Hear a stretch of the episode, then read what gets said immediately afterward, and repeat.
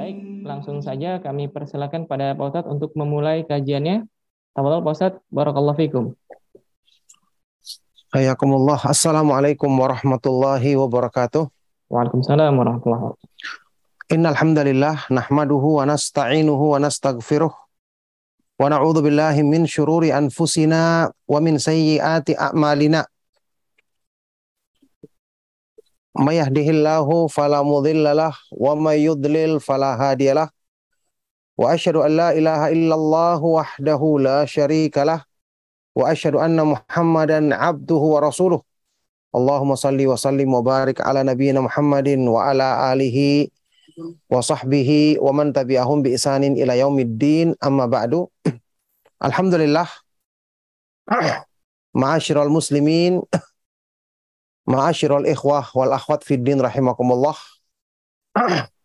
Para ikhwan dan akhwat jamaah kajian sahabat ilmu Darmais juga para pemerhati Radio Rojak Kendari yang menyimak siaran kita di malam hari ini. Alhamdulillah kita bersyukur kepada Allah Subhanahu wa taala yang mempertemukan kita kembali di dalam majelis ilmu yang mulia dalam pembahasan ilmu yang paling penting dalam agama kita yaitu pembahasan tentang mengenal kemahaindahan nama-nama Allah Subhanahu wa taala dan kemahatinggian sifat-sifatnya yakni kajian kitab rutin yang kita lakukan setiap uh, dua pekan sekali saat ini ya setiap uh, Selasa malam kitab Fikul Asmaul Husna memahami nama-nama Allah Subhanahu wa taala yang maha indah buah karya dari guru kita Syekh Al-Allamah Abdul Razak bin Abdul Muhsin Al-Badr hafidhahumallahu taala.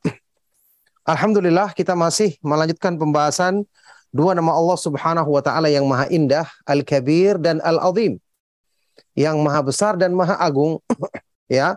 Ini pembahasan mencakup masalah yang berhubungan dengan menumbuhkan pengagungan ya, membesarkan Allah Subhanahu wa taala di hati kita, bahkan meyakini Allah Subhanahu wa taala Maha besar, lebih besar daripada segala sesuatu apa pun. Maha agung lebih agung daripada segala sesuatu yang ada di muka bumi ini.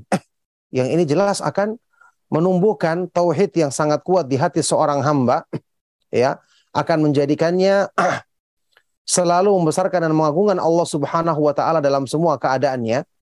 Maka kita ketahui dalam banyak ibadah kita disyariatkan untuk mengucapkan takbir Allahu Akbar. Allah Maha besar karena dengan kita senantiasa meyakini Allah Subhanahu wa taala Maha besar, dengan senantiasa kita berzikir membesarkan Allah Subhanahu wa taala tentu akan semakin menjadikan kita tunduk, menguatkan keyakinan keimanan kita sekaligus menjadikan kita selalu tunduk dan merasa kurang dan selalu butuh kepada Allah Subhanahu wa taala karena Dia Maha Besar, Maha Agung, Dia Maha Tinggi, Dia yang Maha Kuasa atas segala sesuatu. Tapi barakallahu fikum, kita akan lanjutkan kembali penjelasan dari Syekh Abdul Razak sebelum uh, sehubungan dengan dua nama Allah Subhanahu wa taala yang Maha Indah ini. Wabihi yatabayyanu Wabihi yatabayyanu makna Allahu Akbar. Ai min kulli syai'in. Fala syai'a akbar wala a'zamu minhu. Maka dengan inilah, maka dengan ini semakin jelaslah makna lafat Allahu Akbar. Allah Maha Besar. Yang selalu kita baca dalam zikir kita bahkan dalam salat kita sampai selalu kita ulang-ulang setiap perpindahan dari satu rukun ke rukun yang lainnya selalu ya atau mayoritas kita akan selalu membaca zikir ini yaitu Allahu Akbar Allah Maha Besar. I kulli syai'in Allah Maha Besar lebih besar daripada segala sesuatu apa pun. Berarti harusnya pengagungan kepada Allah Subhanahu wa taala membesarkan Allah Subhanahu wa taala di hati kita ya. Ini adalah yang paling dominan, ini adalah yang paling besar dibandingkan pengagungan kita terhadap urusan-urusan apa pun dalam kehidupan dunia ini. Fala syai'a akbar wala a'zamu minhu, maka tidak ada satu makhluk pun yang lebih besar dan lebih agung dibandingkan Allah Subhanahu wa taala. Walihada yuqal oleh karena itu dikatakan inna ablagha lafdhatin Inna ablagha lafdhatin lil arabi fi ma'na ta'zimi wal ijlali hiya Allahu akbar. Sesungguhnya lafat yang paling tinggi lafat yang paling sesuai ya dalam bahasa Arab untuk mengungkapkan makna pengagungan dan pemuliaan yang sesungguhnya ya bagi Allah Subhanahu wa taala adalah kalimat Allahu akbar, Allah Maha besar. Ini lafat yang benar-benar menunjukkan kemahabesaran dan kemahaagungan Allah Subhanahu wa taala baik dalam pada zatnya, pada nama-namanya yang maha indah, pada sifat-sifatnya dan semua perbuatan-perbuatannya. Ay sifhu bi annahu akbaru min kulli syai'in. Wa'takid annahu akbaru min kulli syai'. Artinya, ya sifhu, sifatilah Allah bahwa dia adalah akbar, paling besar, lebih besar daripada dibandingkan semua makhluknya. Dan yakinilah bahwasanya Allah Subhanahu wa taala dialah maha besar, lebih besar dibandingkan segala sesuatu yang ada di dunia ini. Maka subhanallah inilah rahasianya. Kenapa? Kalimat takbir la ilaha illallah banyak mengiringi ibadah-ibadah yang kita kerjakan. Apalagi tadi seperti sholat. Yang tadi kita sebutkan di setiap perpindahan rukunnya, hampir di setiap perpindahan dari satu rukun ke rukunnya, membaca Allahu Akbar, ya. Kemudian ibadah-ibadah yang lain juga seperti itu. Karena ternyata di dalam kandungan zikir ini benar-benar dibutuhkan oleh seorang muslim untuk ketika dilafatkan oleh lisannya, maka hatinya akan selalu merenungkannya. Inilah yang akan menumbuhkan kebesaran dan keagungan Allah di hati seorang hamba yang dengan ini dia akan mewujudkan, memurnikan tauhid yang sesungguhnya pada pada dirinya. Taib. Wa kama taqaddam at-takbiru ma'nahu at-ta'zimu lakinnahu laisa muradifan lahu. Dan sebagaimana penjelasan yang lalu, at-takbir dalam bahasa Arab takbir membesarkan maknanya ya sama dengan atau dekat dengan at-ta'zim mengagungkan. Dalam bahasa kita pun kita artikan besar dan agung ya berdekatan maknanya. Jadi at-takbir Allahu Akbar itu artinya kita membesarkan.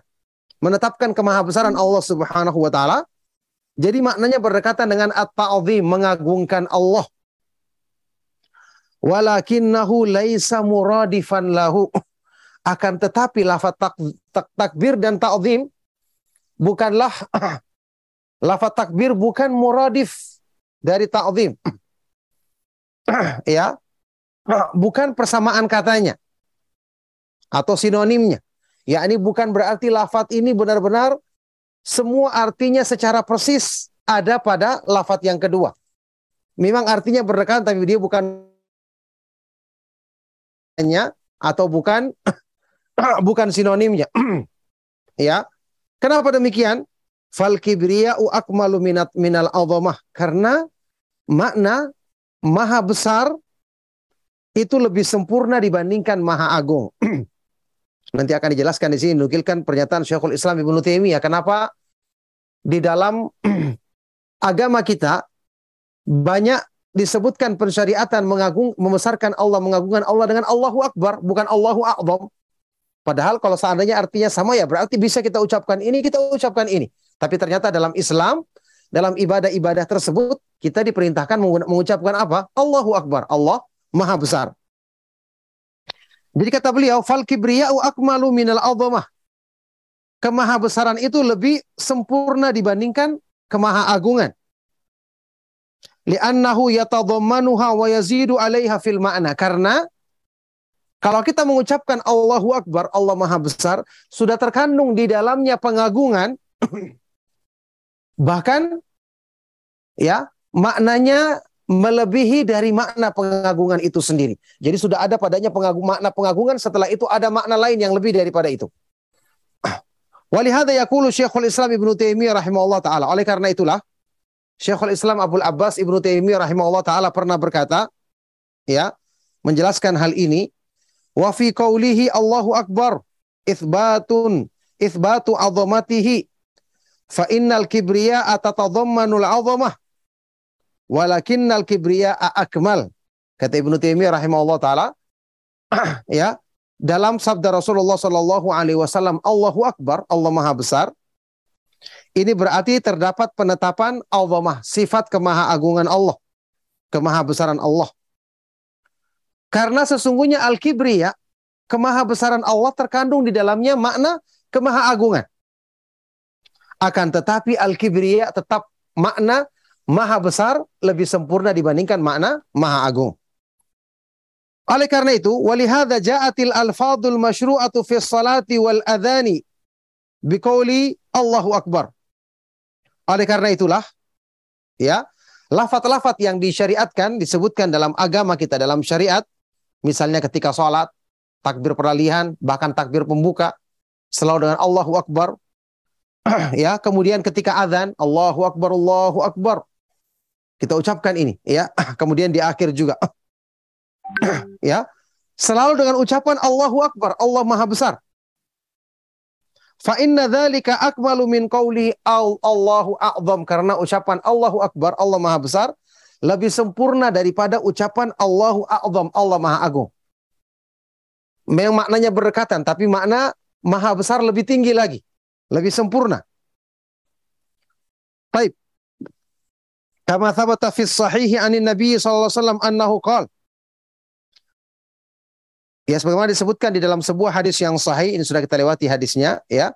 Dari Nabi Shallallahu alaihi wasallam beliau bersabda, Yaqulullah taala Allah Subhanahu wa taala berfirman berarti hadis kursi, Al kibriya uridai wal 'azamatu izari faman naza'ani wahidan minhuma adzabtuhu. Allah berfirman hadis dalam hadis kursi ini, kemahabesaran itu adalah selendangku dan kemahaagungan adalah sarungku. Barang siapa yang ingin merebut dariku salah satu dari keduanya, aku akan mengadabnya, aku akan memasukkan dia ke dalam neraka. ya, ini maksudnya merebut dari Allah barang siapa yang merasa dirinya besar, merasa dirinya agung, menyombongkan dirinya, mengagungkan dirinya, ini yang berarti dia ingin merampas atau merebut dari Allah Subhanahu wa taala sifat-sifat yang hanya pantas bagi Allah Subhanahu wa taala semata-mata ini. nah, jadi diterangkan di sini faja'ala Ibnu Taimiyah menjelaskan rahimahullah taala faja'ala al-'azamata kal izar wal kibriya akar rida. Maka di sini Allah Subhanahu wa taala menjadikan ya keagungannya, kemahagungannya ibaratnya seperti sarung. Sedangkan kemahabesarannya seperti selendang di atas. Ya, wa ma'lumun anna rida'a asyrafu dan sudah diketahui yang namanya selendang karena di atas maka dia lebih mulia. Falamma kana takbiru ablagha min at-ta'dhimi sarraha bi lafdhihi wa tadhammana dzalika ta'dhim. Dan karena takbir itu lebih tinggi kandungan maknanya dalam mengagungkan dan membesarkan Allah Subhanahu wa taala lebih tinggi kandungan maknanya dibandingkan dengan at-ta'dhim mengagungkan oleh karena itulah Allah Subhanahu wa taala menyebutkan dengan lafaz ini dalam syariat kita. Kayak tadi azan Allahu Akbar Allahu Akbar di akhir juga ada takbir ya, kemudian komat. kemudian sebelumnya tadi masalah sholat perpindahan dari satu rukun ke rukun yang lainnya, kebanyakannya dengan takbir dan ibadah-ibadah yang lain. nah, jadi karena takbir itu lebih tinggi kandungan maknanya dibandingkan ta'zim pengagungan, maka dalam syariat sarraha ya Allah Subhanahu wa taala dan rasulnya menegaskan lafat yang diucapkan adalah Allahu Akbar, Allah Maha Besar karena ya lafat ini terkandung telah terkandung di dalamnya pengagungan bahkan kandungannya lebih tinggi dibandingkan itu lagi. Oleh karena itu ini jelas sekali menunjukkan kepada kita bahwasanya takbir mengucapkan Allahu Akbar ini adalah zikir yang sangat agung yang kalau kita sering ucapkan dengan merenungkan kandungan maknanya kita akan dapatkan makna keimanan yang sangat kuat telah Allah Subhanahu wa taala mudahkan masuk ke dalam hati kita insya Allah. Nah, Baik, kemudian diingatkan oleh Syekh di sini, Syekh Abdul Razak hafizahullah taala, wa hahuna amrun yang bagi tanabbuhu lahu wa adamu igfalihi. Kemudian di sini ada perkara yang mesti kita at-tanbih. Yang mesti kita ingatkan orang lain tentang hal ini dan jangan sampai melalaikannya. Yaitu apa? Wa huwa annal muslima idza taqada wa amana bi anna Allah subhanahu wa ta'ala akbaru min kulli syai wa anna kulla syai'in mahma kabura yasguru inda kibriya illah wa azamatihi alima min khilali dhalika ilma al-yakini anna al-kibriya ar-rabbi wa azamatahu wa jalalahu wa jamalahu wa sa'iru awsafihi wa nu'utihi amrun la yumkinu an tuhata al-uqulu wa al-afhamu au afkaru Taib. Yaitu apa perkara yang perlu diingatkan di sini jangan sampai dilalaikan. Yaitu bahwasanya seorang muslim kalau dia telah meyakini dan mengimani bahwasanya Allah Subhanahu wa taala Maha besar, lebih besar daripada semua makhluknya. Dan bahwasanya segala sesuatu di kalangan makhluk ini misalnya ada sesuatu yang sebesar apa pun dia, tetap dia akan kecil ya di sisi kemahabesaran Allah Subhanahu wa taala dan kemahaagungannya. Barang siapa yang meyakini ini, maka dia akan mengetahui dari min khilali dzalika dari sela-sela pembahasan ini dia mengetahui dengan ilmu yakin bahwa kemahabesaran Allah, kemahaagungannya, kemahamuliaannya, kemahaindahannya dan semua sifat-sifatnya ini adalah perkara yang tidak mungkin bisa dijangkau oleh akal dan pemahaman manusia. ya, atau bisa dicapai oleh pandangan mata maupun pemikiran manusia. Ya, ini kemahabesaran dan kemahagungan Allah tidak bisa. Kita pikirkan dengan pikiran kita. Ya, sampai pun ada yang kita anggap indah maka Allah Subhanahu wa taala bukan di hanya indah tapi dia maha indah. Ada sesuatu yang tinggi atau sempurna maka Allah Subhanahu wa taala bukan hanya tinggi dan sempurna tapi dia maha tinggi dan maha sempurna. Yakni mencapai puncak dalam kemahatinggiannya. Jadi ini perkara yang tidak mungkin bisa dijangkau oleh akal sekedar dipahami oleh pemahaman manusia tidak bisa. Makanya apa? Dalam memahami nama-nama dan sifat-sifat Allah tidak boleh kita menetapkan nama Allah dari pemikiran kita sendiri. Kita menyebutkan sifat-sifat Allah dari apa yang ditetapkan oleh akal saja, tidak ada dalilnya. Tidak bisa. ya, Rasulullah SAW dalam hadis riwayat Imam Muslim dalam doa beliau Beliau mengucapkan seperti ini. La uhsi thana'an alaika anta kama athnaita ala nafsik. Ya Allah, aku tidak mampu membatasi pujian dan sanjungan yang pantas bagimu. Engkau adalah sebagaimana pujian yang engkau peruntukkan bagi dirimu sendiri.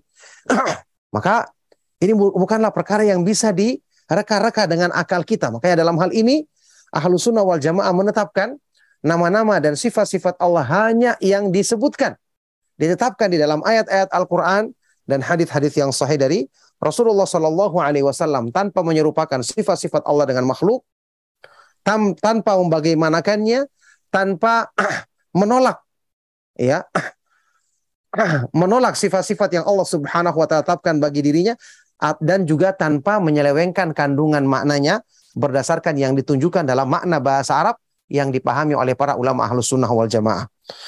Nah, Wallahu a'zamu wa akbaru min dzalika maka Allah Subhanahu wa taala tetap lebih agung, lebih besar dibandingkan semua itu. Dibandingkan apa yang bisa dibayangkan dalam pikiran manusia atau bisa dijangkau dengan akal mereka. Allah Subhanahu wa taala lebih agung, lebih besar dibandingkan semua itu.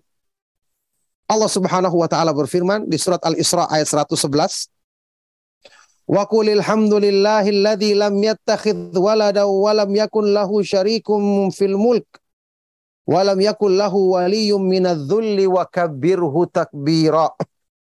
Dan katakanlah segala puji bagi Allah yang dia tidak mengambil anak dan tidak ada sekutu baginya dalam kerajaannya. Dan juga dia tidak butuh penolong untuk menghilangkan kerendahan karena Allah Subhanahu wa taala tidak ada sifat kerendahan pada dirinya yang maha sempurna. Wa kabirhu takbira dan besarkanlah Allah Subhanahu wa taala besarkanlah nama Allah Subhanahu wa taala dengan pengagungan yang sesungguhnya. Taib, ini perkara yang pertama yang diingatkan di sini. Wa amrun akhar, perkara yang kedua, ala wa huwa anna man alima madlula hadainil ismaini dalla li rabbih dhalla li rabbih wa kasara bay wa kasara baina yadayhi wa sarafa lahu anwa'al ibadati wa taqada annahul mustahiqu laha duna man duna siwahu. Perkara yang kedua, bahwa orang yang telah memahami kandungan yang ditujukan dalam dua nama Allah yang maha indah ini, Al-Azim dan Al-Kabir ini, maka pasti dia akan semakin tunduk kepada Allah. Ketika kita mengenal yang maha besar, lebih besar dibandingkan apa pun dari kalangan makhluknya, pasti kita akan semakin takut dan semakin tunduk. Maka hamba ini akan tunduk merendahkan diri di hadapan Robnya. Kemudian inkasaro merasakan dirinya penuh dengan kekurangan dan kelemahan. Dan dia akan mencurahkan berbagai macam ibadah hanya kepada Allah subhanahu wa ta'ala semata-mata. Dengan sendirinya akan ada dorongan seperti ini yang berarti ini merupakan sebab untuk menyempurnakan tauhid dan penghambaan diri kita kepada Allah Subhanahu wa taala. Baik.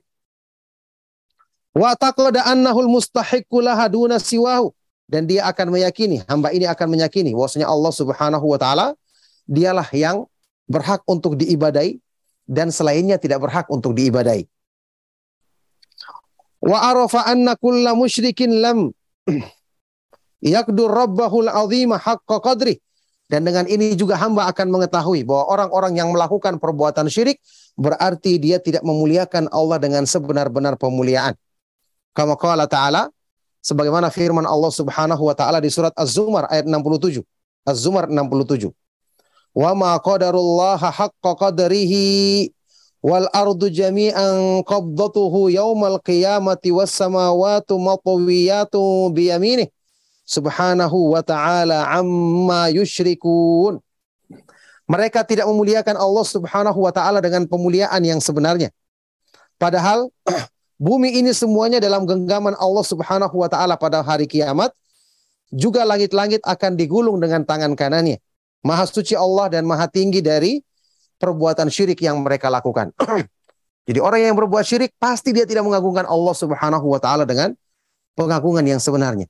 Kalau dia tahu Allah Maha besar, Maha agung dan dia meyakini tidak ada yang lebih besar dibandingkan Allah Subhanahu wa taala, tidak ada yang lebih agung, lebih mulia dibandingkannya. Maka mana, mana mungkin dia akan mengambil sembahan selain Allah Subhanahu wa taala, dia akan merendahkan diri atau merasa butuh di hadapan makhluk yang sama dengan rendah, kurang dan lemahnya seperti dirinya. ya, maka berarti orang-orang yang melakukan perbuatan syirik menyekutukan Allah Subhanahu wa taala atau meyakini makhluk berhak mendapatkan ibadah, maka berarti dia tidak memuliakan Allah Subhanahu wa taala dengan sebenar-benar pemuliaan seperti yang disebutkan di ayat-ayat ini. Taib berikutnya, Waqala ta'ala di ayat yang lain di surat Nuh ayat 13 sampai ke 20.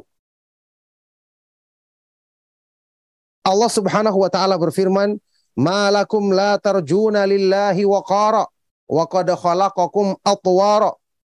Alam taro kaifa khalaqallahu sab'a samawatin tibaqa wa ja'ala al-qamara fihinna nuran wa ja'ala asy-syamsa siraja wallahu anbatakum minal ardi nabata ثم يعيدكم فيها ويخرجكم إخراجا والله جعل لكم الأرض بساطا litasluku minha subulan fijaja. Subhanallah. ya.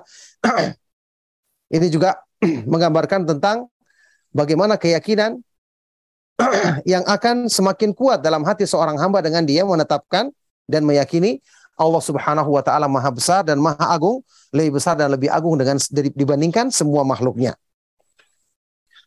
Malakum la tarjuna lillahi wa qara. Kenapa kalian tidak takut akan kebesaran Allah Subhanahu wa taala? Padahal dia telah menciptakanmu dalam keadaan atwar, ya, berfase-fase atau bertahap-tahap. Alam taro kaifa khalaqallahu sab'a samawatin tibaqa? Tidakkah kamu melihat bagaimana Allah Subhanahu wa taala menjadikan atau menciptakan tujuh lapis bumi bertingkat-tingkat? Wa ja'alal qamara fihinna nuran wa ja'ala syamsa siraja. Kemudian Allah Subhanahu wa taala jadikan pada langit ya rembulan sebagai cahaya dan matahari sebagai siraja sebagai pelita. Wallahu ambatakum minal ardi nabata. Dan Allah Subhanahu wa taala yang menghidupkan kalian menumbuhkan kalian dari dari tanah dengan pertumbuhan ya yang sesungguhnya. Thumma yu'idukum fiha wa yukhrijukum ikhraja. Setelah itu nanti di saat kematianmu Allah Subhanahu wa taala kembalikan kamu ke bumi, yakni dikuburkan, masukkan dalam kuburannya. Dan setelah itu Allah Subhanahu wa taala membangkitkan kalian dengan sebenarnya lagi nanti pada hari kiamat. Wallahu ja'ala lakumul arda bisata dan Allah Subhanahu wa taala menjadikan bagi kalian permukaan bumi ini dihamparkan litasluku minha subulan fijaja agar kalian bisa menempuh perjalanan di jalan-jalan yang lapang yang lebar di permukaan bumi ini. Jadi subhanallah ini juga menggambarkan tentang orang-orang yang tidak memuliakan Allah dengan sebenar-benar pemuliaan yaitu orang-orang yang melakukan perbuatan syirik atau mensifati Allah Subhanahu wa taala dengan sifat-sifat yang Allah tidak tetapkan bagi dirinya dan juga bahkan menolak sifat-sifat yang Allah Subhanahu wa taala tetapkan bagi dirinya. Baik. Wa subhanallah. Aina dhahabat uqulu ulaikal musyrikina hina sarafu dhullahum wa khudu'ahum wa inkisarahum wa raja'ahum wa khawfahum wa ragbahum wa rahbahum wa hubbahum wa tam'ahum ila makhluqatin dha'ilah wa kainatin dhalilah maka maha suci Allah Subhanahu wa taala kata Syekh ya ke mana perginya? Akal dari orang-orang yang melakukan perbuatan syirik ini ketika mereka justru menyerahkan sikap merendahkan diri sikap tunduk ya merasakan kekurangan diri pengharapan, rasa takut, kemudian kecintaan dan keinginan mereka kepada makhluk ya yang penuh dengan kekurangan dan kepada kainat hal-hal yang ada di alam yang rendah ini. Kenapa justru dihadapkan kepada makhluk yang tidak memiliki kemampuan apa-apa, diserahkan padanya ibadah-ibadah yang harusnya hanya untuk Allah Subhanahu wa taala semata-mata. La tamliku li nafsiha syai'an minan naf'i wad dharri fadlan an an tamlikuhu li ghairiha. Yang mana makhluk-makhluk ini tidak memiliki untuk diri mereka sendiri kemampuan memberi manfaat atau mencegah madarat, apalagi memiliki kemampuan untuk melakukan hal itu pada diri orang lain. Untuk dirinya sendiri mereka tidak mampu apalagi terhadap orang lain. Wa tarakul khudu'a wa dhulla lirabbil azimil kabiril muta'al wal khaliqil jalili ta'ala Allahu amma yasifun wa subhanallahi amma yusyrikun. Kemudian mereka justru meninggalkan, tidak mau tunduk, merendahkan diri kepada Rob Allah Subhanahu wa taala yang Maha Agung, Maha Besar dan Maha Tinggi. Dialah yang Maha menciptakan, Maha mulia, Maha tinggi Allah Subhanahu wa taala dari sifat yang mereka sebutkan dan maha suci Allah Subhanahu wa taala dari perbuatan syirik yang mereka kerjakan. Baik. Wa huwa wahdahul mustahiqu wal ijlali wat ta'alluhi wal khudu'i wal dhulli. Dan dialah satu-satunya Allah Subhanahu wa taala yang berhak untuk mendapatkan pengagungan, pemuliaan yang sebenarnya ya, ketundukan, sikap merendahkan diri. Wa ini merupakan hak murni hanya milik Allah Subhanahu wa taala semata-mata karena dialah yang maha besar satu-satunya, dia maha agung satu-satunya, maha tinggi satu-satunya dan maha kuasa atas segala sesuatu satu-satunya. nah, maka dialah yang berhak satu-satunya untuk mendapatkan ketundukan dan pengagungan seperti yang digambarkan di dalam keterangan ini. Famin akbahi zulmi an yu'ta haqquhu li ghairihi an au yushraka bainahu wa baina ghairihi fi. Maka termasuk seburuk-buruknya kezaliman.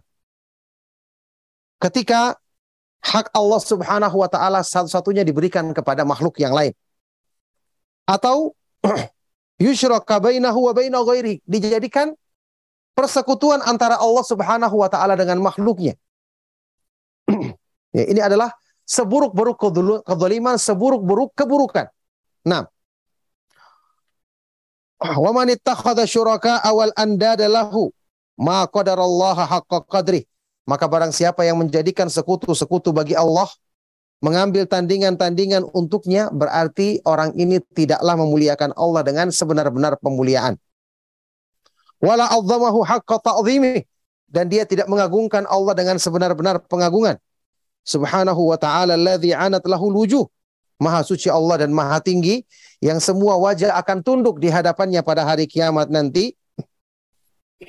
Wa khasya'at lahul aswat dan suara-suara akan rendah akan tunduk di hadapannya wa wajilat wa wajilatil min khasyati hati manusia akan merasa takut sehingga hatinya akan tunduk, hatinya akan bergetar.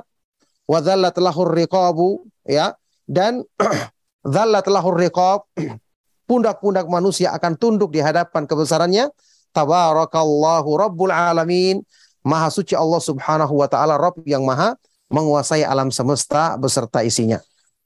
Subhanallah. Jadi ikhwan dan akhwat fiddin rahimakumullah, kita perhatikan di sini makna dari mengagungkan dan membesarkan Allah Subhanahu wa taala ya makna nama Allah Al-Kabir dan Al-Azim, Maha Besar, lagi Maha Agung, demikian penjabarannya dan ternyata pengaruhnya dalam hal menumbuhkan keimanan, menjadikan kita semakin tunduk, semakin khusyuk, selalu hanya berharap kepada Allah, selalu hanya takut kepadanya, mencintainya dalam segala bentuk ibadah yang lainnya, lahir maupun batin. Ini semua menjadikan kita semakin yakin untuk hanya menyerahkan itu kepada Allah Subhanahu wa taala semata-mata dan tidak menyekutukan Allah Subhanahu wa taala dalam dalam segala bentuk ibadah. Tapi barakallahu fikum. Ikhwan dan akhwat fidin rahimakumullah, jamaah kajian, sahabat ilmu Darmais juga para pendengar radio Roja Kendari yang menyimak siaran kami. Demikianlah pembahasan tentang dua nama Allah Subhanahu wa taala yang maha indah yaitu Al-Kabir dan Al-Azim, maha besar dan maha agung. Semoga kita bisa mengambil faedah yang akan semakin menguatkan dan menumbuhkan keimanan di hati kita dengan izin Allah Subhanahu wa taala. Alhamdulillah di waktu yang masih ada saya persilakan untuk kita sampaikan tanya jawab dari hal-hal yang perlu dipertanyakan dari materi kita ataupun dalam pembahasan yang lain saya persilakan. Barakallahu fikum. Sallallahu wasallam wa barak ala nabiyina Muhammad wa ala alihi wa sahbihi ajma'in. Walhamdulillahi rabbil alamin. Alhamdulillahi rabbil alamin. Jazakallah khairan Pak Ustadz atas pemaparan, uh, pemaparan materinya mengenai nama Allah yang maha besar, Al-Khabir, dan juga yang maha agung, Al-Azim, dan mudah-mudahan materi yang disampaikan dapat dipahami dan bermanfaat untuk para jamaah semua. Amin ya rabbal alamin. Baik Pak Ustadz, kita lanjut ke sesi tanya jawab. Insya Allah sudah ada beberapa dari kolom chat atau mungkin yang ingin bertanya secara langsung sudah ada. Sudah ada Abu Muad uh, kepada beliau langsung dipersilakan untuk memberikan pertanyaan. Tafadhol. Assalamualaikum warahmatullahi wabarakatuh. Waalaikumsalam. Waalaikumsalam warahmatullahi wabarakatuh. Silakan. Barakallahu fiik. Ustaz, uh, Ana mau nanya tentang uh, bagaimana uh, hukumnya orang yang menyebut uh, takbir ya apa uh, bertakbir tapi tidak ada pengagungan sama sekali gitu di dalam hatinya gitu. Uh, seolah-olah ya se apa su suatu hal yang sudah ritual gitu sholat misalnya Allahu Akbar tapi tidak sampai di dalam hatinya itu uh, ya hanya sekedar bahwa itu melaksanakan sholat uh, seperti ya sudah di apa ditetapkan dalam agama gitu kemudian uh, apa juga hukumnya orang yang misalnya me, ber, apa, menyebut nama Allah, misalnya Allah Akbar itu, tapi dengan uh, tanpa keseriusan, bahkan terkesan untuk uh, dengan misalnya bermain-main atau uh, mungkin diselingi dengan apa uh, candaan dan oh, ya Allah uh, apa uh, jazakallahu khair. Assalamualaikum. Ya, barakallahu fiik. Pertanyaan sangat baik sekali dari beliau yang bertanya. Semoga Allah Subhanahu wa taala senantiasa memudahkan kebaikan bagi beliau, bagi keluarga dan bagi kita semua. ya. Orang yang mengucapkan lafaz takbir sebagaimana zikir-zikir yang lain.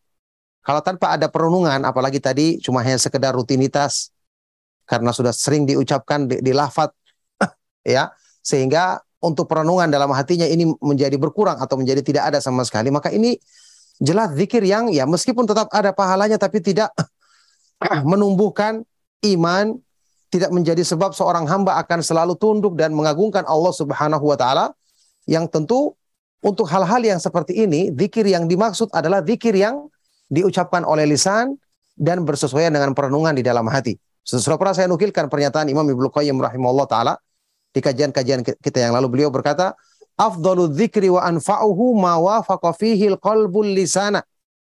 Wa kana minal adhkar minal adhkarin nabawiyyati wa syahida dzakiru ma'anihi wa maqasidahu. Zikir yang paling utama dan paling bermanfaat dalam menguatkan iman, menambah keyakinan kita, ketundukan kita kepada Allah adalah yang bersesuaian antara apa yang direnungkan di hati dengan apa yang terucap di lisannya.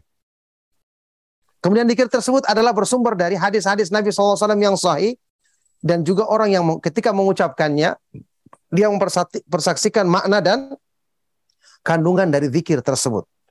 Makanya di sini menunjukkan kepada kita zikir yang bermanfaat itu adalah yang kita renungkan. Bukan hanya sekedar diucapkan tanpa perenungan terhadap maknanya. Apalagi seperti tadi pertanyaan yang kedua, diucapkan sambil bercanda atau bermain-main atau bahkan kadang-kadang dipelesetkan. Naudzubillah min dzalik ini jelas orang yang tidak mengagungkan Allah Subhanahu wa taala dengan pengagungan yang sebenarnya. Naudzubillah min dzalik. Nah,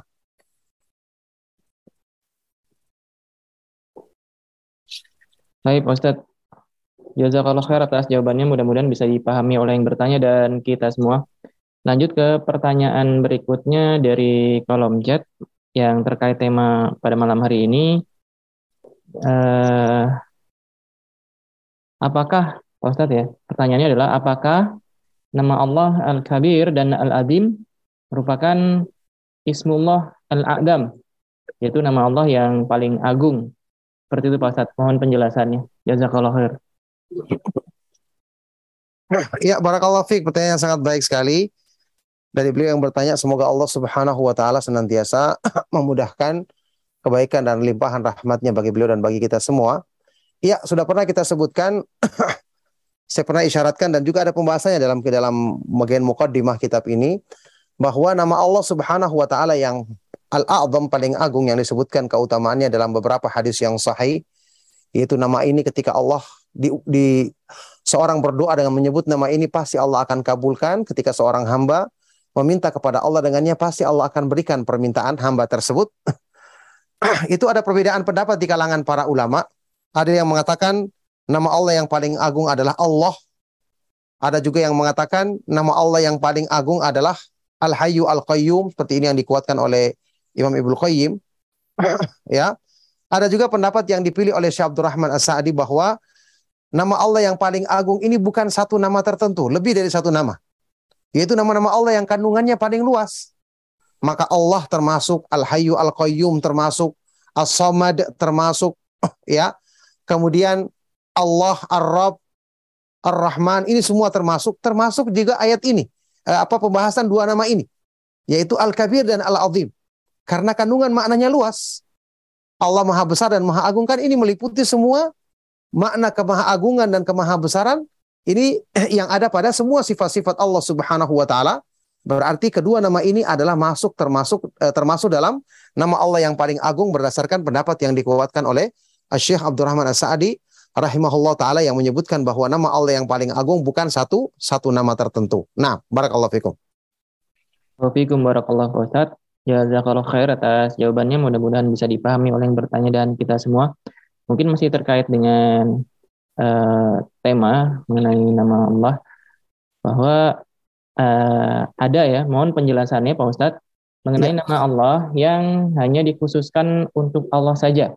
Sehingga nama ini tidak boleh digunakan untuk menyebut makhluk. Seperti itu Pak Ustadz. Tetapi ada nama Allah yang tidak khusus juga ya untuk Allah Nama ini mungkin boleh digunakan untuk menyebut makhluk, misalnya seperti Sami, Bashir, Hakim atau Rashid dan lain yang lain-lain seperti itu ya. Nah, bagaimana misalnya ada sebuah masjid itu namanya Ar-Rahman, di mana secara terminologi itu mungkin lebih tepatnya dikhususkan untuk Allah ya Pak Itu bagaimana hukumnya ya? Mohon penjelasannya, syukran, jazakallah khair.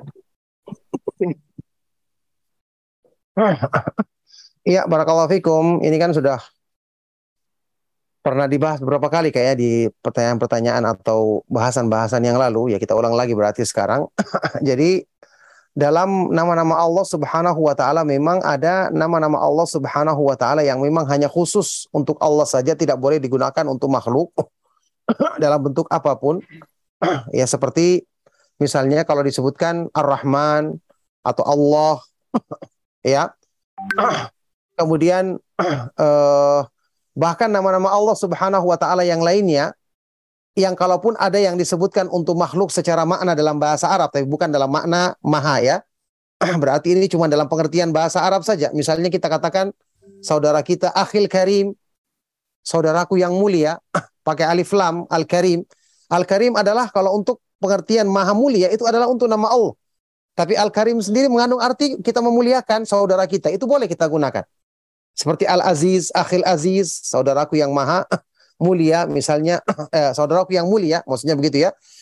Sama juga dengan azim ya kita mengatakan misalnya ya hadza syai'un azim ini adalah satu yang sangat agung ini adalah pembahasan pembahasan ilmu yang sangat agung yang sangat mulia. Ini kata-kata seperti ini digunakan dalam bahasa Arab. Cuman tentu kandungan maknanya tidak sama dengan waktu kita menyebutkan untuk makhluk. Kita katakan azim ya uh, apa ini agung untuk makna makhluk. Tapi kalau kita katakan untuk Allah al-azim berarti artinya maha agung. Begitu. Nah jadi kata sebagian para ulama ketika kita menyebutkan nama itu untuk makhluk tidak boleh kita niatkan dengan uh, makna yang terkandung pada Allah Subhanahu wa taala. Ya, maka kalau itu nama-nama yang khusus kayak tadi Ar-Rahman, Allah sama sekali tidak boleh digunakan untuk makhluk. Kemudian Ar-Rabb misalnya Alif Lam, Ar-Rabb ya. Karena alif lam ini menunjukkan makna khusus bagi Allah Subhanahu wa taala. Ini juga tidak boleh. Ada beberapa yang diperbolehkan tadi tapi saya katakan tadi kita hanya melihat ke makna asal. Tidak boleh kita hadirkan makna yang ada pada Allah Subhanahu wa taala yang mengandung arti maha ya, misalnya maha agung, maha tinggi atau maha besar misalnya. Ya, karena kita tahu nama Allah Subhanahu wa taala itu mengandung makna dikatakan al, al asmaul husna artinya balighatun fil husni ghayataha mencapai puncak dalam kemahaindahannya ini yang tidak boleh tentu kita tujukan pada makna ketika kita gunakan lafaz tersebut atau sifat untuk makhluk ketika menjelaskan tentang sifat makhluk tentu sesuai dengan keadaan dan kekurangannya sebagai sebagai makhluk. nah, maka ini yang kita katakan tadi ya, kan sebagian dari para ulama ada yang mengatakan tidak boleh menggunakan alif lam misalnya kita gunakan Al-Karim tanpa alif lam, Karim saja. Tapi ternyata digunakan bahkan disebutkan dalam dalam Al-Qur'an, digunakan juga dalam bahasa Arab ya, pakai dengan gunakan alif lam, maka yang lebih tepat adalah sampai pun kita gunakan lafaz tersebut tapi kita tidak artikan makna yang untuk makhluk sebagaimana yang makna yang ada pada Allah Subhanahu wa taala. Itu dalam uh, kaidah dalam memahami mana nama-nama yang uh, hanya pantas bagi Allah Subhanahu wa taala dan tidak boleh kita gunakan untuk makhluk. Adapun penamaan misalnya seperti tadi Masjid Ar-Rahman. ya Masjid Ar-Rahman dinamakan masjid dengan Ar-Rahman. Yang saya pahami dari penamaan ini, orang tersebut mungkin menamakannya dengan Masjid Masjidur Rahman. Jadi masjid miliknya Ar-Rahman begitu, milik Allah Subhanahu wa taala. Yang saya yang saya pahami dari penamaan masjid misalnya adalah seperti itu. Bukan dia namakan masjid ini adalah Ar-Rahman, tapi ini adalah masjidnya Ar-Rahman. ya, begitu. Ya, misalnya kita katakan Masjid As-Sunnah. Ya, maksudnya ini adalah masjid ya yang dilaksanakan sunnah padanya. Begitu. Jadi penamaan tersebut yang saya pahami seperti itu. Memang mungkin lebih bagus kita namakan misalnya Baitur Rahman. Ini adalah Baitur Baitur Rahman sebenarnya Baitullah ya, rumah Allah, rumahnya Ar-Rahman di sini atau uh, untuk dalam rangka memuliakan masjid ya. Cuman yang saya ketahui ketika ada yang menamakan seperti ini adalah tujuannya untuk bukan memberikan nama pada masjidnya tapi tujuannya penggandengan itu Masjidul Rahman adalah untuk uh, penggandengan yang berarti pemilikan ini adalah masjid milik Allah Subhanahu wa taala. Wallahu taala alam bisawab. Nah. Jazakallah khair Pak Ustadz atas jawabannya. Sangat komprehensif, mudah-mudahan bisa dipahami oleh kita semua. Masih ada pertanyaan dari yang ingin bertanya secara langsung pada Ibu atau Bapak Mulziah, ya, tahu Assalamualaikum Ustaz. Waalaikumsalam warahmatullahi wabarakatuh. Silakan Ibu. Semoga menjaga Ustaz dan kita semua dalam kebaikan. Ustaz mau nanya, uh, dengan sifat Asmaul Husna ini, uh, sa saya pernah mendengar gitu, ketika kita misalnya kita sholat gitu Ustaz untuk mengkhusyukkan sholat kita salah satunya ketika kita menyebut misalnya Allahu Akbar berarti kan Allah Maha Besar. Jadi kebesarannya itu apa yang terben, terbayang di kita tuh yang besar di atas itu lagi sehingga memunculkan rasa kehusukan. Begitu penjelasan salah satu metodenya. Bagaimana kira-kira seperti itu Ustaz? Mohon uh, pencerahannya. Jazakallah khairan Ustaz. Ya, barakallahu fiik pertanyaan yang sangat baik dari Ibu yang bertanya. Semoga Allah Subhanahu wa taala senantiasa memudahkan limpahan rahmat dan keberkahannya bagi beliau dan keluarganya juga bagi bagi kita semua. ya, memang waktu kita melaksanakan sholat untuk menghadirkan khusyuk, ya karena khusyuk ini berhubungan dengan amalan hati dan khusyuk adalah buah manis dari iman. Jadi mesti harus ada perbaikan iman dulu maka akan menjadi sebab perbaikan bagi khusyuk kita. Sebagaimana perbaikan juga bagi ikhlas kita, bagi uh, rasa takut dan pengharapan kita kepada Allah. Jadi bukan hanya cuma sekedar metode tertentu kita ikuti misalnya kita renungkan ini tidak, tapi harus ini bersumber dari iman. ya karena misalnya kita ucapkan Allahu Akbar, Allah Maha Besar. Apa yang kita bayangkan? Di sini yang kita renungkan adalah makna kebesaran Allah Subhanahu wa taala sebagaimana yang sudah kita sebutkan makna dari nama Allah Al-Kabir dan Al-Azim. Allah lebih besar dibandingkan segala sesuatu. Makhluk Allah yang paling besar apa pun, maka Allah Subhanahu wa taala lebih besar. Kemudian semua makna sifat-sifat Allah mengandung makna kemahabesaran, ya berarti ketika Allah Subhanahu wa taala kita katakan eh, misalnya eh, maha agung, maha kuat, maha perkasa. Ini kan semua berarti keperkasaannya Allah itu maha besar, kekuatannya itu maha besar. Semua makna kemahabesaran ada pada sifat-sifat Allah Subhanahu wa taala. Kemudian kita meyakini tidak ada yang berhak untuk mendapatkan pengagungan dan pembesaran, pemuliaan yang sesungguhnya selain Allah Subhanahu wa taala karena dialah yang memang memiliki sifat-sifat keagungan, kebesaran dan kemuliaan. Itu yang kita hadirkan perenungannya dalam diri kita. ya. Dan ini tidak akan mungkin terwujud kalau iman kita tidak benar. Karena tidak akan bisa kita meyakini kemahabesaran Allah kalau iman kita masih ada membesarkan makhluk. Ya, makanya di sini pelajaran tauhid yang akan dengan izin Allah menjadi sebab kita akan bisa khusyuk dalam salat kita, waktu kita mengesahkan Allah Subhanahu wa taala dalam beribadah semata-mata karena kita yakin cuma Dia yang maha kuasa, yang maha sempurna sifat-sifatnya. Ini yang akan menjadikan kita akan dimudahkan insya Allah untuk membesarkan dan mengagungkan Allah Subhanahu wa taala. Kita merenungkan makna ini waktu mengucapkan kalimat Allahu Akbar dalam sholat kita. Nah, barakallahu fiqh. Wafikum barakallah Pak Ustadz. Jazakallah khair atas jawabannya. Mudah-mudahan bisa dipahami oleh yang bertanya. Masih ada waktu Pak Ustadz untuk menjawab pertanyaan? Ya, insya Allah masih ada. Silakan. Baik, ada beberapa dari kolom chat. Uh, Assalamualaikum, Afwan Ustadz. Hafizullah Ta'ala, anak izin bertanya, di antara nama-nama Allah yang disebut di dalam Al-Quran, itu selalu bergandengan, Ustaz. Apakah ada maksud tertentu di dalamnya? Mohon penjelasannya. Syukron, jazakallah khair. Iya, barakallahu fiik. Pertanyaan sangat baik sekali. Dari beliau yang bertanya, semoga Allah subhanahu wa ta'ala senantiasa memudahkan kebaikan bagi beliau dan bagi kita semua. Ya, pertama jawabannya tidak selalu bergandengan. Ada yang bergandengan tapi tidak mesti bergandengan ya. Ada nama Allah yang disebutkan satu saja ya.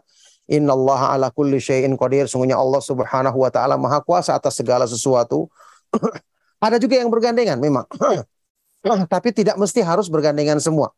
Tapi kalau makna yang tidak bergandengan sudah kita ketahui maknanya nama Allah yang maha indah itu kan mencapai puncak dalam kemaha indahannya.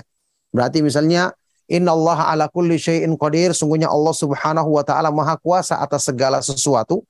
Allah Subhanahu wa taala memiliki kudrah, kemahakuasaan atas segala sesuatu. Makanya ketika Allah Subhanahu wa taala menetapkan takdir, maka takdirnya menembus segala sesuatu. Tidak ada makhluk yang bisa mencegahnya. Tidak ada yang bisa merubahnya. ya, ketika Allah menetapkan ketentuannya tidak ada yang bisa luput dari ketentuan Allah Subhanahu wa taala tersebut. Tapi ketika digandengkan misalnya ya eh, Allah Subhanahu wa taala menggandengkan satu nama dengan nama yang lain, maka masing-masing dari kedua nama ini pada masing-masingnya mengandung makna kemahaindahan. Dan ketika digandengkan dua hal ini, maka mengandung kemahaindahan yang baru lagi. ya, kema mengandung kemahaindahan yang baru. Makanya misalnya Allah Subhanahu wa taala menyebutkan di beberapa ayat Al-Qur'an wa kana Allahu azizan hakima. Allah Subhanahu wa taala maha perkasa lagi maha sempurna hikmahnya, hukum dan hikmahnya. Hikmah itu artinya meletakkan segala sesuatu tepat pada tempatnya. Meletakkan semua hal tepat pada tempatnya secara persis. Maka berarti hikmah Allah sempurna, hukum Allah sempurna. Ini masing-masing nama, nama Al-Hakim. Al-Aziz, kemahaperkasaan Allah sempurna, kemahamuliaan Allah sempurna. Ketika digandengkan melahirkan kemahasempurnaan lain, yaitu Allah Subhanahu wa taala ya, dia maha perkasa, tapi keperkasaan Allah itu selalu diiringi dengan hikmah. Sehingga Allah Subhanahu wa taala tidak akan menempatkan kemahaperkasaannya secara zalim. Sebagaimana yang terjadi pada diri manusia misalnya ada orang yang kuat, mungkin orang perkasa, tapi karena dia tidak punya sifat hikmah, akhirnya dia menerapkannya secara zalim hanya mentang-mentang kuat, akhirnya dia misalnya menindas orang atau memperlakukan orang dengan tidak benar karena dia tidak punya sifat hikmah. Sebagaimana ketika Allah Subhanahu wa taala dalam namanya Al-Hakim memiliki hukum, memiliki hikmah, Allah bisa menerapkan pada semua makhluknya dan tidak ada yang bisa mencegah karena Allah Subhanahu wa taala hukumnya selalu disertai dengan kemahaperkasaannya, kemahakuatannya sehingga Allah bisa perlakukan pada semua makhluknya tanpa ada yang bisa mencegahnya. Inilah makna yang kita dapatkan kembali terkandung di dalam dua nama Allah Subhanahu wa taala yang maha indah digabungkan. Ini yang diistilahkan oleh uh, Syekh uh, Ibnu Taimin rahimahullah taala ketika menjelaskan ini menjelaskan makna kemahaindahan ketika digabungkan dua nama Allah Subhanahu wa taala yang maha indah yaitu al-kamal fauqal kamal, kesempurnaan di atas kesempurnaan. Ya, ini ada pada nama Allah Subhanahu wa taala yang digandengkan satu dengan nama Allah Subhanahu wa taala yang maha indah lainnya. Nah, barakallahu fikum. Wafikum barakallah. Jazakallah khair Ustaz atas pemaparannya. Mudah-mudahan bisa dipahami ya oleh yang bertanya. Nah, ini sudah ada beberapa pertanyaan lagi, tapi nampaknya di luar tema ya Pak Ustadz ya. ya. Untuk yang pertama, Bismillah Ustadz, bolehkah sampai di kamar mandi kita tiba-tiba mengingat Allah? Karena kadang di dalam hati ini masih aja keturusan zikirnya begitu ya. Tidak sengaja mungkin seperti itu di kamar mandi. Bagaimana penjelasannya Pak Ustadz? Jazakallah khair. Iya, barakallahu pertanyaan sangat baik sekali dari beliau yang bertanya. Jazakallahu khairan, semoga Allah Subhanahu wa taala membalasnya dengan kebaikan. Ya, di kamar mandi pun kita harus ingat Allah. Di mana pun kita ingat Allah, yang dilarang kita menyebut nama Allah. Karena kalau kita tidak ingat Allah, kita berbahaya. Bisa jadi syaitan akan menguasai kita. jadi Aisyah radhiyallahu taala anha menyebutkan tentang Rasulullah SAW dalam hadis riwayat Imam Muslim, karena Rasulullah SAW yadhkurullah ala kulli ahyani. Rasulullah SAW berzikir atau mengingat Allah dalam semua keadaannya. Jadi dalam semua keadaan kita senantiasa harus selalu menyebut mengingat Allah Subhanahu wa taala. Kalau dalam kamar dalam kamar mandi atau tempat-tempat yang kotor kan tidak boleh kita menyebut dengan lafadznya tapi dalam hati kita tetap merenungkan kebesaran dan keagungan Allah. Jangan sampai luput hati kita dari mengingat Allah Subhanahu wa taala karena itu akan menjadi sebab syaitan yang akan menguasai hamba tersebut. Naudzubillah min dalik. Nah. Barakallahu fiik Ustaz. Jazakallahu khair atas jawabannya. Mudah-mudahan bisa dipahami oleh yang bertanya. Dan berikutnya Pak Ustaz, uh, Assalamualaikum Pak Ustaz, izin bertanya. Pernah saya mendengar kajian tasawuf dan ada diceritakan bahwa ada hamba Allah yang begitu taat beribadah pada Allah sehingga dia merasa bahwa Allah sudah menyatu dengan dirinya. Dan ketika ditanya, dia ber, dia itu berucap, saya ini adalah Allah gitu. Nah, apakah ini pantas? Mohon pencerahannya Pak Ustaz. Syukron, jazakallah khair. Ya, barakallahu fiik pertanyaan sangat baik sekali. keyakinan seperti ini disepakati oleh semua ulama ahlus sunnah wal jamaah ini adalah ke keyakinan kufur. Keyakinan yang paling kufur, keyakinan yang sangat rusak, yang membatalkan keislaman seseorang. Tidak ada yang lebih mulia imannya, lebih sempurna ketakwaannya dibandingkan Nabi Muhammad sallallahu alaihi wasallam. Bersamaan dengan itu Rasulullah SAW mengatakan, Ana Abdullahi wa Rasuluh. Aku adalah hamba Allah dan Rasulnya. Rasulullah tidak mengatakan saya adalah Allah. Justru yang mengatakan dirinya adalah Allah Subhanahu wa taala atau Rob itu adalah Firaun. Yang mengatakan ana rabbukumul a'la, aku adalah Rob kalian yang paling tinggi. Jadi yang mengatakan seperti ini adalah pengikutnya Firaun. Ya, mengambil kesesatan dari Firaun laknatullah alaihi, maka ini adalah keyakinan yang sangat rusak, keyakinan yang sangat kufur. Allah Subhanahu wa taala Maha suci dan maha tinggi tidak akan bisa menyatu dengan makhluknya, makhluk yang penuh dengan kekurangan bagaimana mungkin? Menyamakan Allah Subhanahu wa taala dengan makhluk saja, menyamakannya, ini kufur menurut para ulama. ya, karena Allah Subhanahu wa taala berfirman, "Laisa kamitslihi syai'un wa huwas samiul basir." Apalagi mengatakan Allah Subhanahu wa taala menyatu dengan makhluknya dan orang tersebut mengatakan saya adalah Allah. Ini semua adalah keyakinan kufur, ajaran yang sangat rusak yang tidak boleh ada dalam pemahaman seorang muslim karena ini akan membatalkan keislamannya naudzubillah min dzalik. Nah, Jazakallah khairan Pak Ustadz atas jawabannya mudah-mudahan bisa dipahami oleh yang bertanya dan kita semua. Masih ada pertanyaan Pak Ustadz? silakan. Ya, ini jadi dari seorang ihwah yang eh, memberikan dua pertanyaan. Yang pertama, Bismillah, izin bertanya. Yang pertama, bagaimana jika seorang yang merasa terzolimi, lalu dia melakukan perbuatan syirik dengan minta bantuan orang pintar. Nah, orang pintar ini ditugaskan untuk menyakiti orang yang menzolimi dirinya. Apakah kedua orang ini musyrik? Lalu ada kiat bagaimana cara menyadarkan mereka, Pak? Mohon pencerahannya, jazakallah khair. Ini untuk pertama yang dulu, Pak. Nanti yang kedua setelah ini. Iya, barakallahu fiik. Pertanyaan yang baik sekali. Jadi kalaupun orang lain mendoliminya, kan tidak boleh kita membalas keburukan dengan keburukan.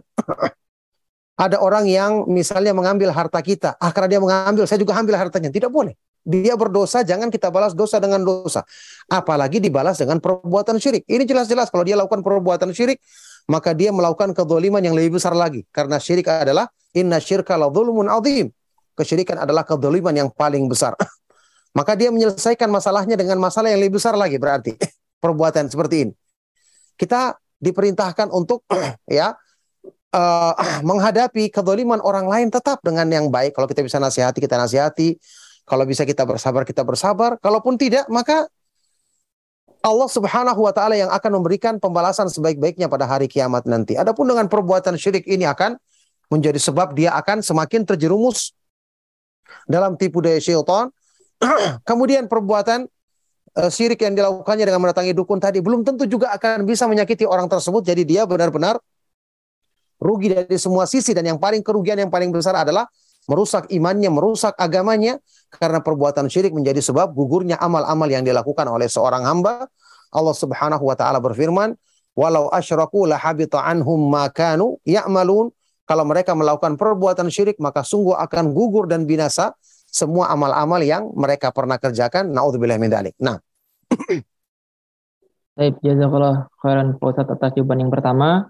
Untuk pertanyaan yang kedua, apa hukum seorang pemimpin yang melakukan bid'ah? Misal rutin melakukan peringatan maulid di kantor.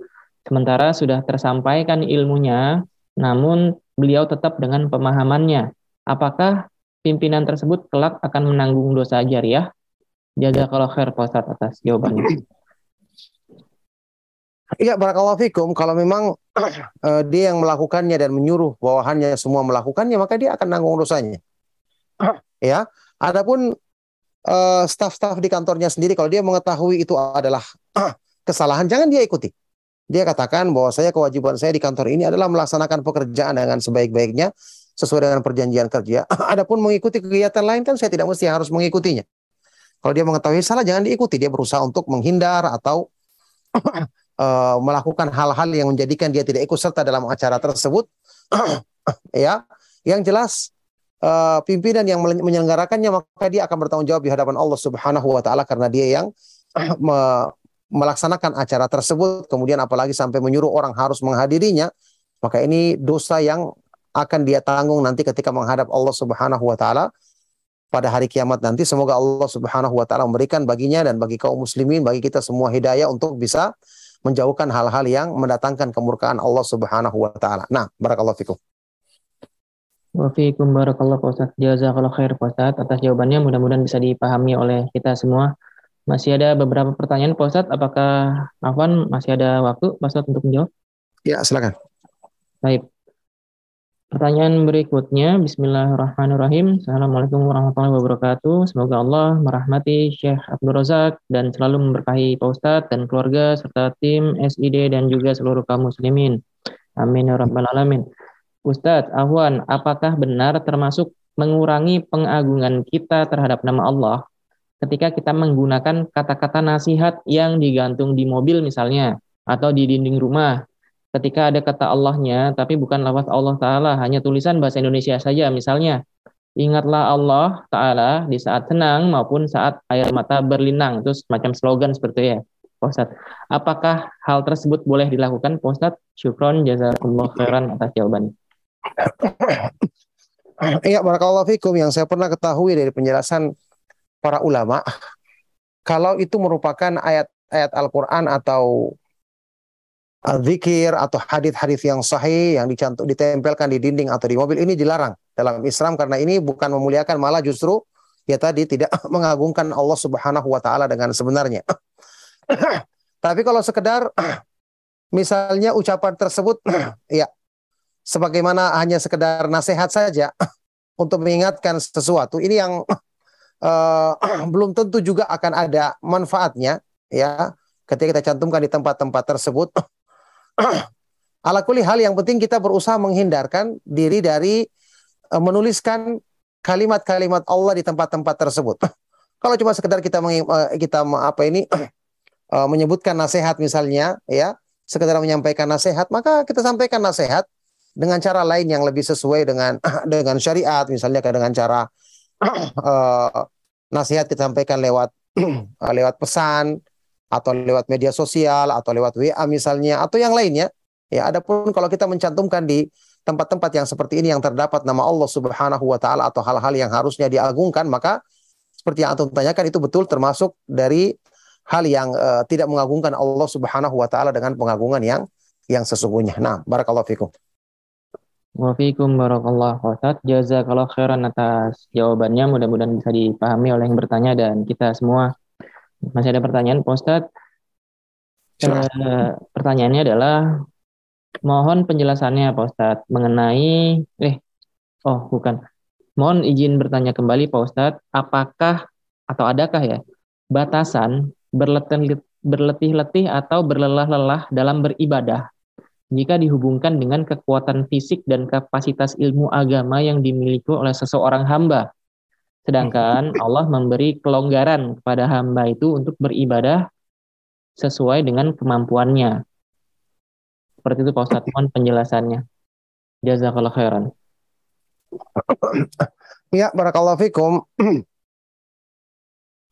uh, sehubungan dengan masalah ini kita tahu ada beberapa hadis-hadis Rasulullah SAW yang bisa kita jadikan sebagai patokan untuk menjelaskan hal ini.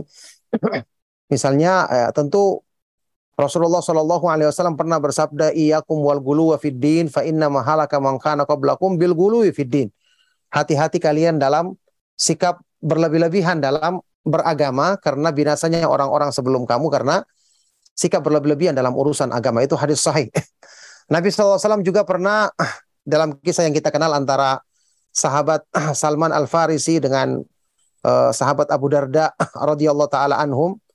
Ketika uh, Abu Darda menasehatinya uh, Salman Al Farisi menasehati sahabat ini dengan supaya dia ketika beribadah maka ada hak Allah Subhanahu wa taala juga ada hak tamunya kemudian ada hak keluarganya. Fa'atikul ladzi haqqin haqqahu maka berikanlah masing-masing pihak haknya Ternyata ini kemudian dibenarkan oleh Nabi Shallallahu Alaihi Wasallam. Tapi intinya pertama Allah Subhanahu Wa Taala ketika mewajibkan kepada kita ibadah-ibadah yang diwajibkan, ya seperti sholat lima waktu, puasa Ramadan dan seterusnya, maka ini tentu kita harus berusaha untuk melaksanakannya.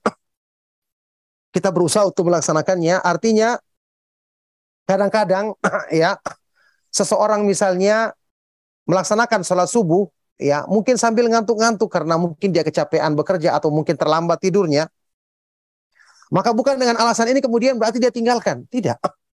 Dalam hal ini eh, Anda berusaha untuk mengamalkan karena ini adalah kewajiban ya berusaha untuk misalnya kalau dia ngantuk dia cuci muka dulu berusaha menghilangkan ngantuknya kemudian dia laksanakan sholat tersebut apalagi kalau misalnya sholat berjamaah dia laksanakan sesuai dengan eh, waktu melaksanakan sholat berjamaah tersebut. Dan dalam hal ini dia harus menundukkan ya harus memaksakan dirinya agar bisa melaksanakan sholat tersebut sebagaimana juga nanti puasa misalnya dan seterusnya. Kecuali kalau misalnya dia misalnya kayak puasa ada halangan kayak sakit kan ada udur tidak berpuasa di hari itu nanti diganti di hari yang lain misalnya puasa Ramadan ya. Maka dalam hal ini kan juga ada kesusahan yang dilaksanakan hamba tersebut yang dirasakan kita awal-awal berpuasa rata-rata merasakan berat tapi ini tidak merupakan berat yang menjadikan kita berlebih-lebihan karena di sini juga kita punya kewajiban untuk melatih membiasakan diri kita agar bisa melaksanakan ibadah puasa yang Allah Subhanahu wa taala wajibkan. Kecuali kalau rasa berat tersebut karena kita sakit misalnya atau mungkin karena sedang perjalanan. Ini kan ada udur dalam Islam ya. Faman kana minkum maridun aw ala safarin fa min ayyamin ukhar. Barang siapa yang ketika uh, di bulan Ramadan dia sedang sakit atau sedang safar maka diganti di hari yang lain. maka itu batasannya. Kalau hal-hal yang disebutkan ada udurnya dalam syariat maka kita ikuti. Adapun hal-hal yang berhubungan dengan perkara-perkara yang di situ kita diperintahkan untuk menundukkan hawa nafsu kita, untuk sedikit memaksa diri kita melaksanakannya, maka ini bukan termasuk berlebih-lebihan. Adapun kalau ibadah-ibadah yang sunnah, ibadah-ibadah yang sunnah sudah kita ketahui bukan merupakan hal yang wajib. Kita diperintahkan misalnya kalau kita ingin laksanakan sholat malam, ya kita laksanakan sesuai kesanggupan kita.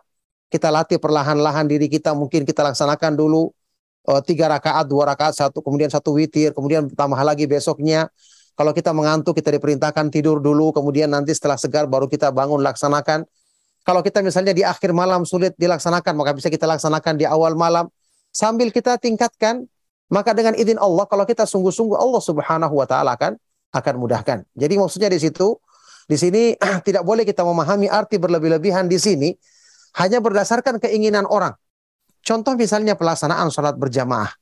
Kan Nabi Shallallahu Alaihi Wasallam mencontohkan sebaik-baik contoh sholat beliau kata Anas bin Malik yang paling ringkas dan paling sempurna. Nah bacaan-bacaan Nabi SAW kalau kita ingin praktekkan untuk orang awam dianggap panjang. Maka apakah kita katakan mempraktekkan sunnah Rasulullah SAW dalam bacaan sholat berarti berlebihan? Jawabannya tidak. Karena ini adalah contoh yang terbaik dari Nabi Shallallahu Alaihi Wasallam. Cuman tetap kita sesuaikan dengan keadaan orang awam, ya. Tidak kita ambil juga seperti keinginan mereka, ya. Tapi kita dekatkan dengan apa yang dicontohkan dalam sunnah Rasulullah SAW. Kita biasakan mereka dengan tata cara pelaksanaan sholat yang benar. Maka inilah yang tentu yang paling sesuai dengan makna tidak berlebih-lebihan dalam Islam karena tidak mungkin Nabi Muhammad SAW melarang sikap berlebih-lebihan kemudian beliau sendiri yang mencontohkan sikap berlebih-lebihan. Tapi yang kita yakini adalah petunjuk dan contoh dari sunnah Rasulullah SAW itulah yang terbaik dan itulah yang paling sesuai dengan kebutuhan manusia yang paling sesuai dengan keridhaan Allah Subhanahu wa taala dan juga paling sesuai dengan makna meringankan ibadah yang diperintahkan oleh Allah Subhanahu wa taala dan rasulnya sallallahu alaihi wasallam. Nah, Jazakallah khair Pak Ustadz atas jawabannya. Mudah-mudahan bisa dipahami oleh kita semua. Pertanyaan berikutnya Pak Ustadz. Hmm. Assalamualaikum. Izin bertanya jika seorang muslim pernah melakukan kesyirikan, namun saat ini dia telah bertaubat. Apakah amal ibadah yang terdahulu itu hangus? Walaupun dahulu melakukan eh, kesyirikannya itu karena ketidaktahuannya dia Pak Ustadz. Syukron jazakallah khair atas jawabannya. ya barakallahu fiik pertanyaan yang sangat baik sekali.